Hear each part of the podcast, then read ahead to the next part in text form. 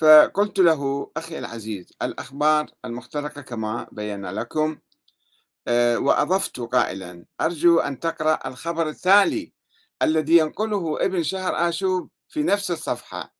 نفس الصفحة اللي أنت مناقل أنا راجعت المصدر وشفت هذا شنو يكتب شنو منطقة منطقة ابن شهر آشوب شنو من من من عقلية كان عنده. آه لكي تعرف مدى حشوية وأسطورية وخرافية ابن شهر آشوب ينقل يقول داود الرقي ينقل عن داود الرقي بدون سند أيضا. داود الرقي من أصحاب الإمام الصادق من الكاظم. يقول بلغ السيد الحميري أنه ذكر أنه ذكر عند الصادق. شاعر هذا السيد الحميري معروف في القرن الأول الهجري أيام الحركة الكيسانية. فقال السيد فقال الإمام الصادق السيد كافر فلما سمع هذا الشاعر اجى الإمام الصادق وسأل يا سيدي أنا كافر؟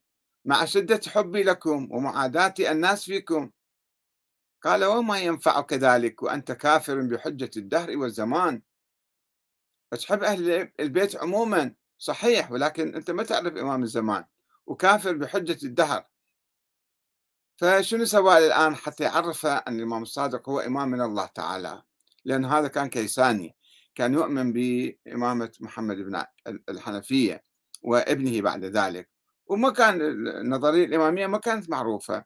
فلما خرجت وتبلورت وطلعت في القرن الثاني فجابوا هالقصة هذه أنه هذا شلون هسه الإمام الصادق يثبت له أن حجة الدهر والزمان؟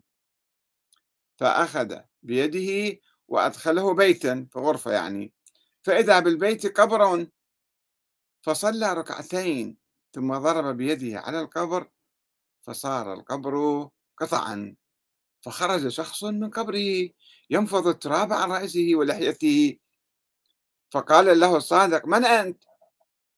قال أنا محمد بن علي المسمى بابن الحنفية فقال من أنا؟ فمن أنا؟ قال أنت جعفر بن محمد حجة الدهر والزمان فخرج السيد يقول هذا الشاعر يعني السيد الحميري تجعفرت بسم الله. في من تجعفر شوفوا هاي نوعية عقلية هذا ابن شهر عاشوب والخرافيين والغلاة اللي كانوا يحاولون إثبات وطبعا هو جاي من السادس ينقل روايات مال القرن الثاني والأول يمكن بدون سند وربما كانت حتى القصة هذه اللي ينقلها عن ذاك الشخص اللي يتطرف في الموقف السلبي من الشيخين. أنه أنه كان بالعقلية هذه. هم كانوا لغات لأنه حتى قبل الصادق مثلا إمام زين العابدين كما تعرفون قصة دائما أكررها. إمام زين العابدين كيف تثبت عند هؤلاء الإمامية؟ أنه تحاجج الإمام زين العابدين مع محمد بن حنفية وذهب إلى آه، قصة طويلة لا أريد أن أذكرها الآن يعني بتفاصيلها. ذهب إلى الحجر الأسود وسلم عليه فلم يسلم على محمد بن حنفية وسلم على آه، زين العابدين. ثم جت للباكر ثم جت للصادق وهذا الصادق الآن كيف يثبت إمامته للشاعر الحميري؟ أحيا أحيا آه، محمد بن حنفية من القبر بهالطريقة هذه الأسطورية يحاولون إثبات نظرية الإمامة وإثبات الموقف السلبي اللي يروى عن الأئمة كذبا وزورا. ضد الشيخين. أي نقلت أحاديث موجودة في التراث الشيعي في الكافي وغيره.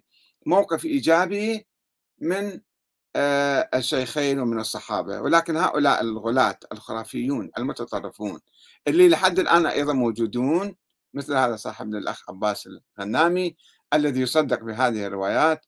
ويجي ينقل لي أنك أن روايات مضادة ويقول لي أنت ليش تنقل بعض الروايات وتهمل بعض الروايات الأخرى.